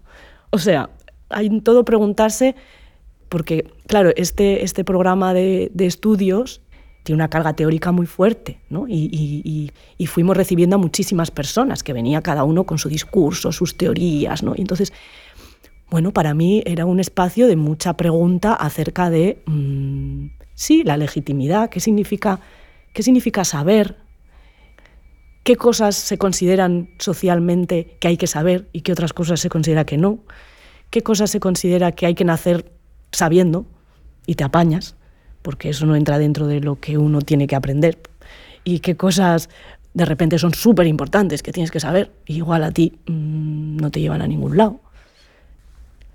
Entonces sí, en, el origen de la tesis hay mucho en relación a, los espacios de saber y los espacios de poder y cómo la sabiduría o el conocimiento se usa como un espacio de, batalla y de, poder. Y yo ahí pues, pues me, me coloco, como decía Isabel Stengers, thinking is not cleverness, is not sophisticated. Y yo hice una traducción, hice una versión en caligrafía, que era saberes sabiondos los cago muy hondos, muy hondo. Porque a mí particularmente mm, hay un espacio con el que yo me peleo mucho, que tiene que ver con, con los espacios de poder y, y la sabiduría o el conocimiento y cómo se utiliza. Y entonces sí, esta es una de mis batallas de siempre. ¿Cómo era en inglés? Ah, thinking is not cleverness, con mi acento de Cuenca, is not sophisticated. En la tesis doctoral paranormal hay una parte que son unos personajes, he creado como unos personajes, y, y hay un personaje ahí que se llama el señor Coherencia. Y bueno, son personajes que básicamente son como hilos de personaje, porque no llegan a ser un... Es como una voz, una frase que, que, casi, te, que casi sería un personaje, ¿no? Que es como casi, casi un personaje. Y, y, el señor coherencia es un poco esta cosa que, claro, lo tiene todo súper coherente y súper cerrado y como tal, y desde ahí, ¿no? Y, y, creo que hay algo ahí, ¿no? En, en esta cosa de, de un poquito antes de la coherencia, ¿no? Como un poco, o sea, como levemente antes de acabar de como de acabar de cerrar la cosa, pues ahí es donde a mí me gusta practicar, diríamos, ¿no? No, no a mí me gusta como permanecer ahí y, y desde ahí pues pues ver qué. Eso. Ah, pide un deseo. Ah, no. No, no, no, es una pestaña. Ah. Entonces, eh, saberes sabiondos. Saberes sabiondos. Los cago muy hondo. Los, los cago muy hondo. Saberes sabiondos. Los cago. ¿no? Saberes, sabiondos. Los, cago. muy hondos. Muy hondo. Muy hondo. Muy hondo. En lo hondo. Por... Sí, en lo hondo. Vale. Saberes sabiondos. Los cago muy hondo. Muy hondo. Saberes sabiondos. Los cago muy, muy hondos. Hondo. Y quedan hondos. Quedan hondos. En lo hondo. En lo hondo. En lo hondo. En lo hondo. Y en inglés es eh, thinking is not eh, cleverness. Thinking is not cleverness. Ah, ah. Thinking is not cleverness. Is not sophisticated. It's, it's not, not, sophisticated. sophisticated. It's, not, it's not sophisticated. It's, it's not, sophisticated. It's not sophisticated. It's not sophisticated. And it's, not cleverness. It's not cleverness. Los cago muy hondo. Los cago, los cago muy hondo. Todos los saberes sabiondos. Todos los saberes sofisticados los cago hondo. Hondito, hondito. Hondito. Mm. A ver. Mm, qué, cosas, ¿eh? Hablar de una misma así. Mm. Yo lo que he sido siempre es muy precaria. O sea, quiero decir que muy precaria y por suerte nunca he tenido mucho reconocimiento. Entonces, mmm, yo me considero como, o sea, en ese lugar como under, under de sí. Entonces, no sé si esto tiene que ver, pero creo que sí que tiene que ver. Esto es como cuando antes explicaba, ¿no? Yo si quieres, eso, cojo la tesis y te la hago, te la hago aquí, ahora mismo. Ahora me dejáis un rato y me saco que me he traído unos apuntes, porque como no sabía si cómo iba a ser esto de la entrevista, yo me he traído unos apuntes. Y, digo, y os hago un, trozo de la tesis, ¿sabes? ¿Esto qué es? Esto es, pues, de pícara, ¿no? Como de que cuántas veces al año yo voy a tener la oportunidad de hacer una performance pues poquísimas, entre la precariedad generalizada, entre la precariedad individual, entre que ahora soy artista recién madre, o sea, olvídate, entre que además mmm, lo que hago no te encaja muy bien por aquí ni por allá, pues cuántas veces voy a yo poder hacer una performance. Entonces yo tengo que estar preparada para en cualquier momento, zasca, te la cuelo, la performance. ¿Por qué? Porque, porque yo voy currando en, en esta vida precaria, voy haciendo cuando puedo, eh, que este es otro tema, ¿no? que también he tenido muchas conversaciones sobre el ensayar, que en, en, las artes escénicas hay que ensayar, bueno, hay que ensayar cuando, si puedes, porque mm, no sé si puedes, si tienes las condiciones. Entonces yo ensayo en mi casa cuando puedo, eh, si tengo espacio, lo aprovecho. Si voy en el autobús, mmm, voy interconectando con el universo o no, o, me voy mirando al cielo. O sea, quiero decir que, que, hay algo que tiene que ver con este profesional amateur y que, y que es cierto que yo hay algo de, lo, de lo que se llama amateur. Es que, claro, está todo tan llamado, sea, está todo como tan... Que es que no diría, antes he dicho amateur, pero no, tampoco es amateur, pero sí que hay algo como una una cosa del impulso del, de lo casero, ¿sabes? Que casi ni amateur, casi como de teatrillo de tu casa, ¿sabes? O sea, como de, de cuando, no sé, de cuando me acuerdo que mi tío, que íbamos a todos los fines de semana al campo y él tenía como un, no una casa, pero como un, era un, un, un, un remolque, ¿no? Y tenía como un remolque ahí en el campo, íbamos ahí y como en un trozo de campa, bueno, en, el monte. Y me acuerdo que hubo un momento que dijo, ah, mira, en esta rampa te voy a poner unos, unos raíles, unas maderas de, de tren para que bajes y subas escaleras, porque a mí me, porque cuando tenía siete años me molaba como bajar escaleras como Concha Velasco, creo, no sé, bueno, una cosa muy loca. Y entonces dijo, ah, mira, entonces cogí una azada y en la, en la, en la, cogí una azada de estas y hizo un agujero en, una, en un terraplén, así como en una caída, y puso unos, unos trozos de madera que tenía ahí de unas vías de tren que usaba para hacer unas cosas, y hizo unas escaleras ahí. ¿no? Y entonces subíamos y bajábamos las escaleras cantando y no sé qué. Bueno, pues con esto un poco tiene que ver. Eso no sé si es amateur. Eso es un poco el campo, el campo en el País Vasco, ¿no? Como, venga, te hago la escalera ahí, te la pongo y entonces subíamos y bajábamos escaleras. Entonces tiene que ver con esto igual, ¿no? O sea, para mí tiene que ver con esto, que igual sí que tiene que ver con lo amateur. Y luego tiene que ver, como decía, con una precariedad, o sea, con, con un ser precaria, que también es una palabra que está muy connotada, pero con un tener recursos muy limitados. Y entonces ir haciendo esta cosa de la escena. ¿Dónde está la escena también? ¿no? Como que es esta cosa. Yo hace muchos años que para mí lo escénico está en, todas partes, está en muchas partes, no en todas, pero está en muchas partes, está como en este circular. Eh, yo no veo diferencia, para mí no hay diferencia entre que presente una performance en un contexto más eh, de cubo blanco, que se llaman, ¿no? que, que, de repente las visitas performativas que puedo hacer en, un museo o, o, las visitas que hago con niñas que ¿no? que sería como lo educativo, para mí no hay, no hay una diferencia. O sea, cuando yo estoy en lo educativo, estoy trabajando, estoy, estoy implicada con, con, todos esos elementos que yo he ido acumulando y que yo voy aprendiendo. No hago una separación y no puedo hacer ciertas traducciones. Traducciones sí, pero cuando yo estoy con las niñas de, de cuatro años, estoy con todo esto que, que vamos hablando. Yo no, no hago más, no es que como tienen cuatro años Mm, no, estamos con todo, porque, porque, porque ellas están con todo, además. Bueno, además, cuando tienes 3, 4 años, estás con todo. O sea, ahí sí que estás conectada con el universo, vamos. No te falta de nada. O sea, ¿sabes? Entonces, ahí de repente, no, no ahora es que como estoy educativa, mm, voy a hacer. No, estoy, estoy con todos esos saberes que, que he ido recopilando gracias a estar en muchos contextos colectivos y gracias a haber aprendido un montón de cosas. Y entonces estoy ahí y, compartimos desde ahí, ¿no? Y compartimos cuando tienes cuatro años, cuando tienes ochenta, cuando estamos en ese compartir y preguntarnos y buscar y investigar ahí.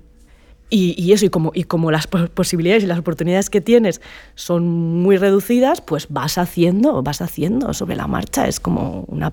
es pícara, o sea, estás tú estás ahí con tus cosas y, vas, y vas soltando y, vas generando esos espacios en cualquier lado, porque además a mí me mola, como, es que en cualquier lado, o sea, no en cualquier, no quiero decir como cualquier, sino como la posibilidad de poder mm, romper también eh, lo que es un espacio y ahora ocurre la cosa y entonces, sino como un taller, un, una charla, un todo. O sea, un texto es una oportunidad también para escribir, un texto es también una oportunidad para que se genere lo, performativo. Eh.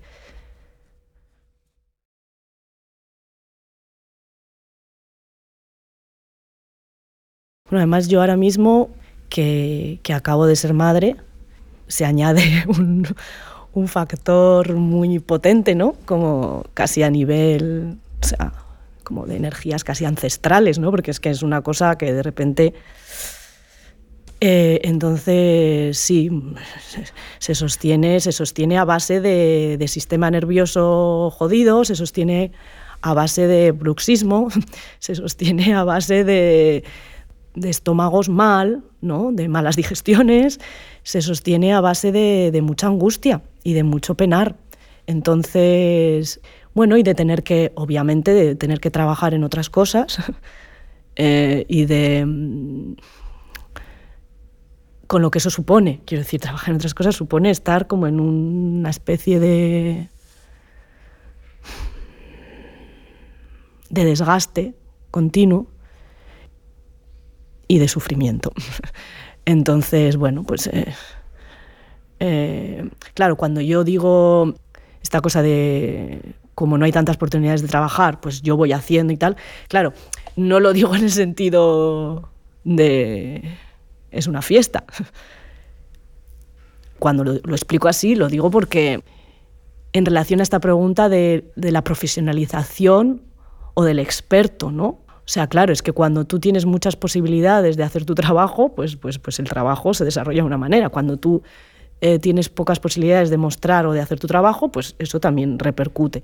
Y para mí, una de las cosas combativas ha sido decir, bueno, es que aunque tengamos poca visibilidad, aunque tengamos pocas posibilidades de hacerlo, lo estamos haciendo. O sea, quiero decir, no el que, el que está más visible es el que está más haciendo, sino que hay todo un trabajo de pico pala de cada día que está ahí, pum, pum, pum, pum, pum, y que siempre que puedo intento poner en valor. O sea, como decir, vale, esto que estamos viendo es ahora, pero, pero todo esto se sostiene porque hay un pico pala de trabajo, porque hay un pico pala de, de, de, estudio, de, mm, lectura, de, compartir, de estar con otras, de, intercambiar con otras para que esto se esté alimentando y esté aquí. Pero desde luego que la, la situación que vivimos ahora a nivel de laboral y económica es, mm, bueno, no sé. Eh, es o sea, bueno, es terrible, o sea, es terrible. Mi, experiencia es bastante terrible y la preocupación ahora es, es fuerte, es muy fuerte. Por ejemplo, unos tanteos, unos extrañamientos, unas, unas onomatopeyas, unos tartamudeos, unos silencios. Sí, yo soy madre reciente, eh, bueno, desde hace poco más de año y medio. Y... ¿Qué queréis que os diga? Pues, pues pánico, claro. O sea, quiero decir, imagínate, ¿no? Como has llegado a medio, a casi nombrarte artista, ¿no? A los...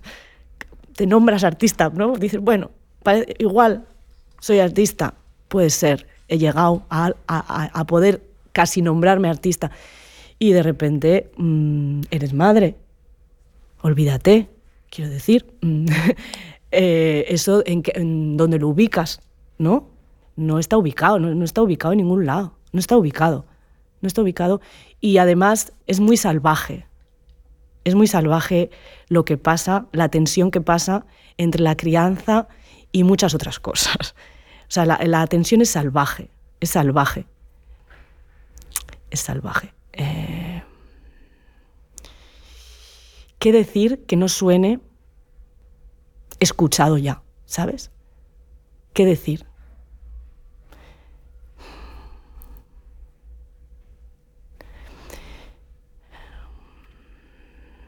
¿Qué decir sobre la maternidad, y el arte y la vida.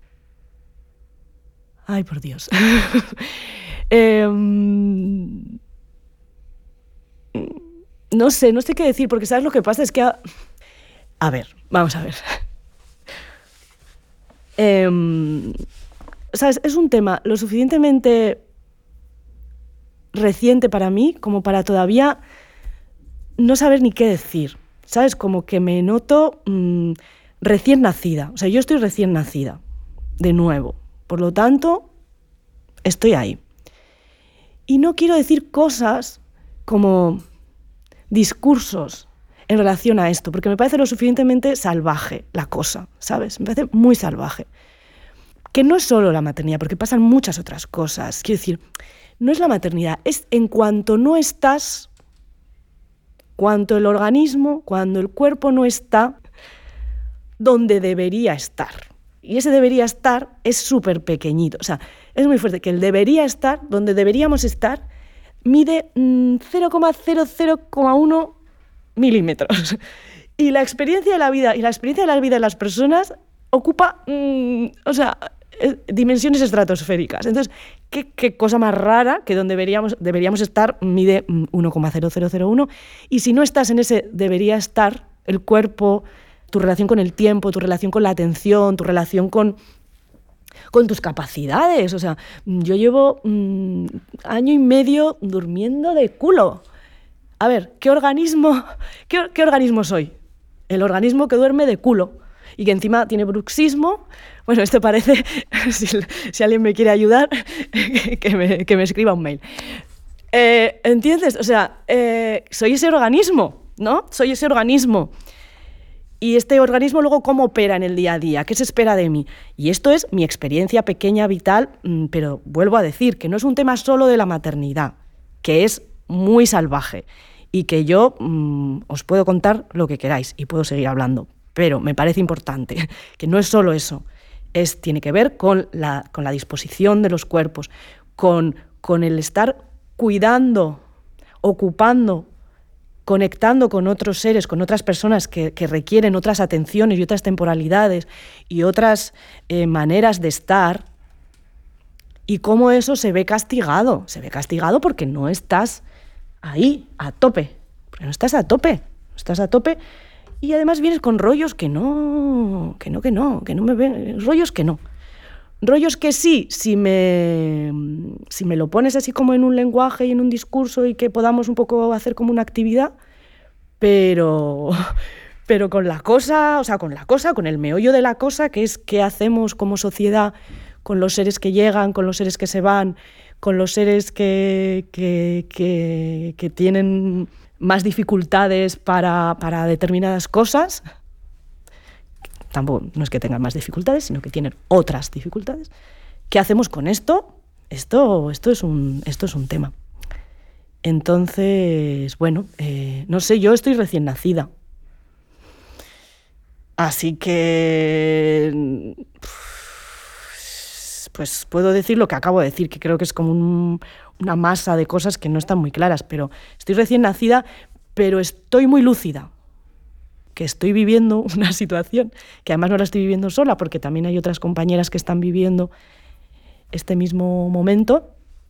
Bueno, y, no he dicho, porque, pero yo soy madre a los 40, que también está bien dar estos detalles, ¿no? Estos cotilleos, porque he sido madre a los 40 Mm, porque la vida es muy compleja, es muy compleja. Y para las precariedades y para la, los, pues es muy complejo. Entonces, bueno, no quiero sonar aquí porque digo que cada una tiene lo suyo, ¿no? Pero bueno, está bien decirlo también aquí, ¿no? En, la radio web MACBA, que, en la que estoy aquí. Eh, bueno, que sí, que también, que somos, que somos varias, ¿no? Eh, mujeres, eh, que casi hemos llegado a nombrarnos artistas, casi, casi, casi, y que estamos siendo madre, madres a los 40, y que bueno, que todo eso tiene que ver con, con muchas cosas a nivel estructural eh, que, no, que no son solo mías, aunque ahora parezca aquí que estoy hablando de mí, pero no, estamos hablando de, de varias. Y no sé, no lo sé. Deberíamos hablar más rato de esto, ¿verdad? Como juntas, más gente juntas.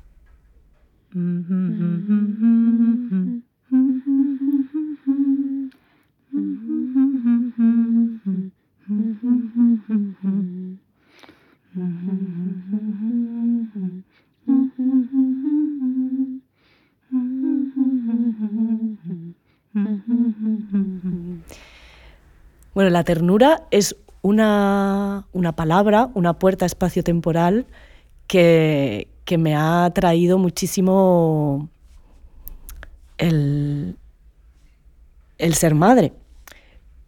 Como misterio, es una palabra que nunca me había preguntado, la ternura, ¿no? Como de entrar en, la, en, ese, en esa puerta espacio-temporal.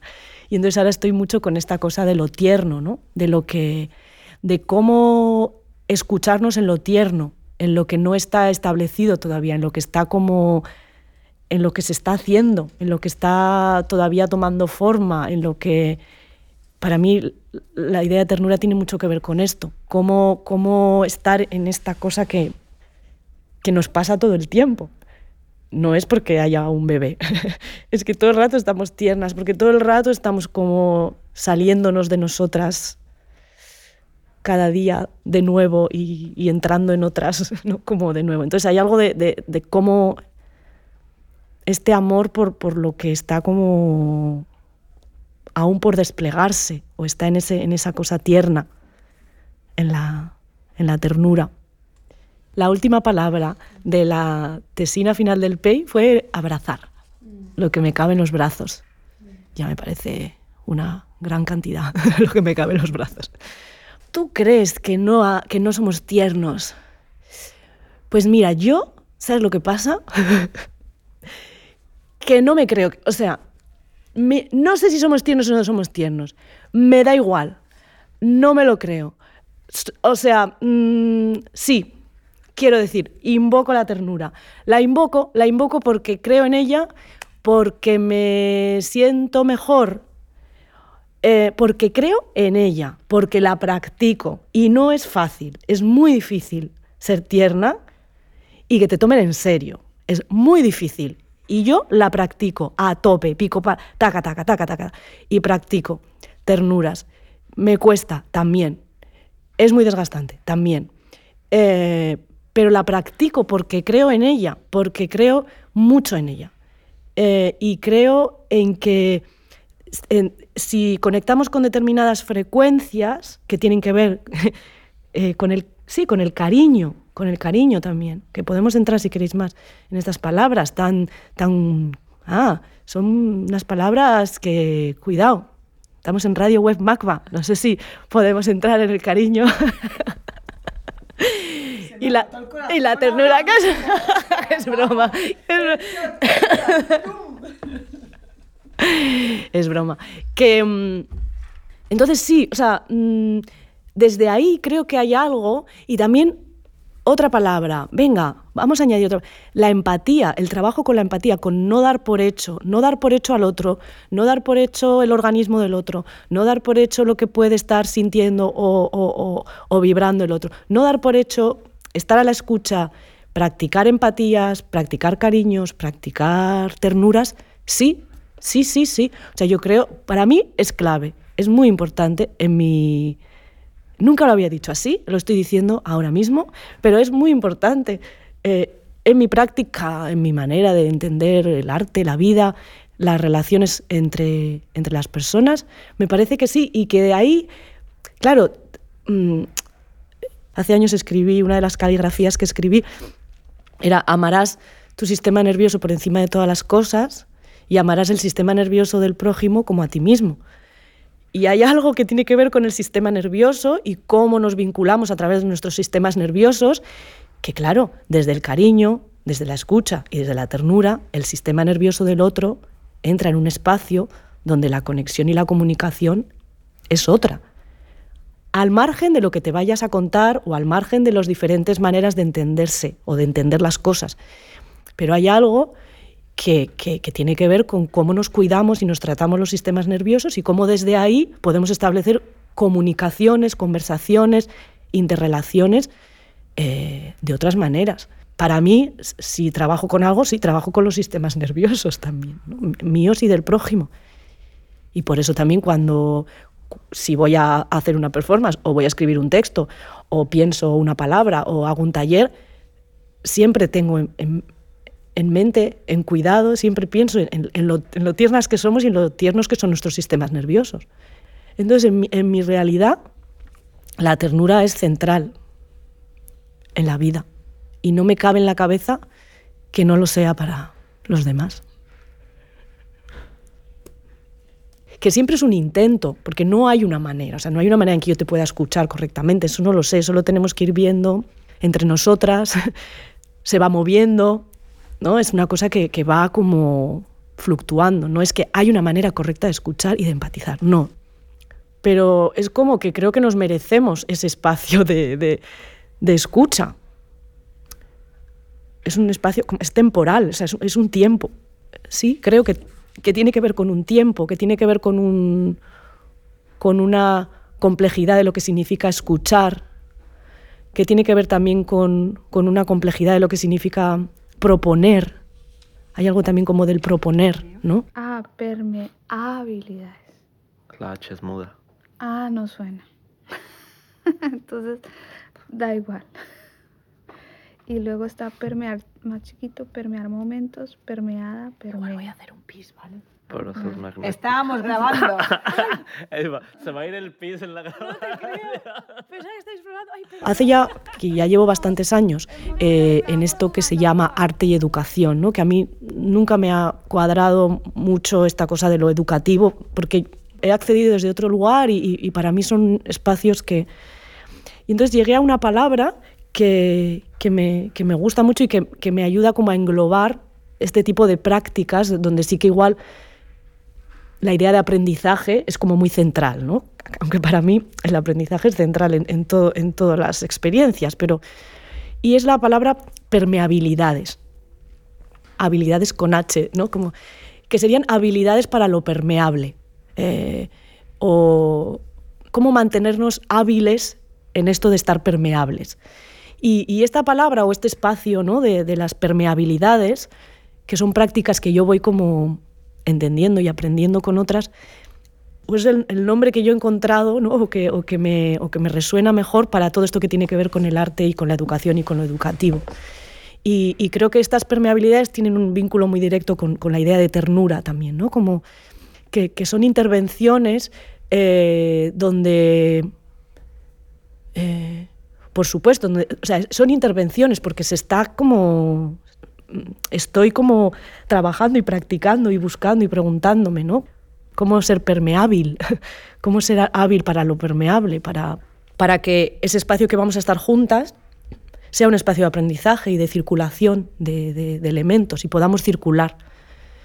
Entonces la pregunta es, ¿qué, ¿qué nos ayuda a poder circular mejor, a ser circulantes? Pues la ternura es una de ellas. La ternura como, como invocación de un espacio de una cierta de establecer confianzas, ¿no? de establecer pequeñas confianzas que nos permitan poder ponernos en esta, en esta ternura, poder ponernos en este espacio donde, donde no vamos a, a estar completamente afirmadas y, estables, sino que vamos a estar todavía por desplegar, como en este todavía por desplegar. Entonces las, permeabilidades, la ternura, eh, están en ese espacio de,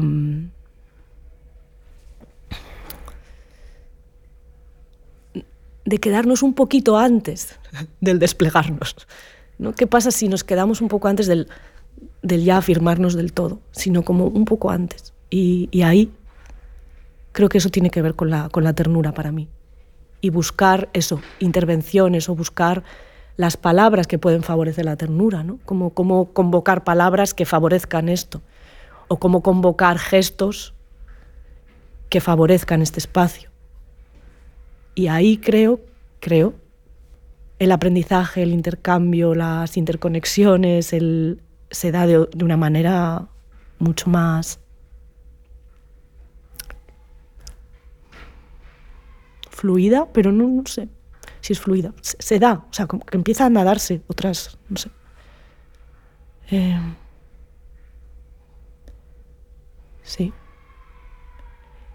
A ver, yo creo que el tránsito que se va dando tiene que ver justamente con eso, con los momentos vitales que, que he ido viviendo, ¿no? Y que en cada momento, como, como decíamos, ¿no? va, va emergiendo un glosario incluso va emergiendo una sintaxis que tiene que ver con el momento vital eh, eh, y que va haciendo que, determinadas palabras o, como relaciones entre palabras se, cojan más, más peso o cojan más espacio. ¿no? Entonces yo creo que tiene que ver un poco con eso, que, que ahora la ternura es, la puerta espacio-temporal que me ayuda a, seguir como conectando con el trabajo y a seguir conectando con las cosas que estoy haciendo. Pero sí que es verdad que, a lo largo de los años en los que he ido practicando todos estos quehaceres artísticos, eh, he ido pasando por muchos... Eh, o sea, al final, si la pregunta que me ha ido manteniendo viva es esta pregunta en relación a, qué es estar viva, pues claro, lo que ha ido pasando pues es que ha habido momentos que, que han estado mucho más atravesados por cuestiones que tienen que ver con la muerte o con la enfermedad o con, o con, o con el amor en sus múltiples formas, ¿no? o, con la, o con la profesión en sí misma, ¿no? Eh, o, o, con, o con esta cosa de, del ser mujer en, en sociedad, ¿no? como esta, mm, que, que claro, ha habido como o sea, según, según voy caminando, hay elementos, o sea, la pregunta se va haciendo desde, desde, lugares diferentes, ¿no? Entonces es cierto que ahora, claro, está muy atravesada por, por esta maternidad que congrega un montón de, de, elementos, ¿no? También, como te decías. ¿Cómo es el juego? El leer. Lo tenemos que descubrir. Ah, sí, o sea, que esto es una partitura esto? y hay que descubrir cómo, qué, no, qué, nos, qué secreto nos tiene guardado Ajá. como partitura. Sí, okay. cómo lo leemos o cómo lo decimos o qué pasa ahí, ¿no? O sea, ocupa igual toda la hoja, hay unos más chiquitos. Uh -huh. Este es como... Y se estuvi estuvieron haciendo lectura así. Uh -huh. Sí. ¿De a uno o de a dos? Podemos, podemos leerlo muy cerca. Al, al, tiempo. Sí, dale. Punto, vale.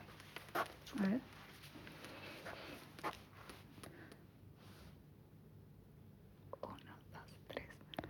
Ahora, Ahora mismo, los, poros, de, las rocas, las piedras, respirando.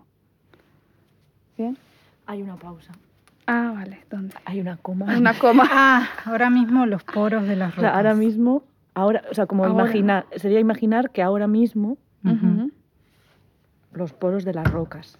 O sea, imaginar los poros de las rocas. Ah, ahora pausa, mismo, las piedras respirando. Ah, ok.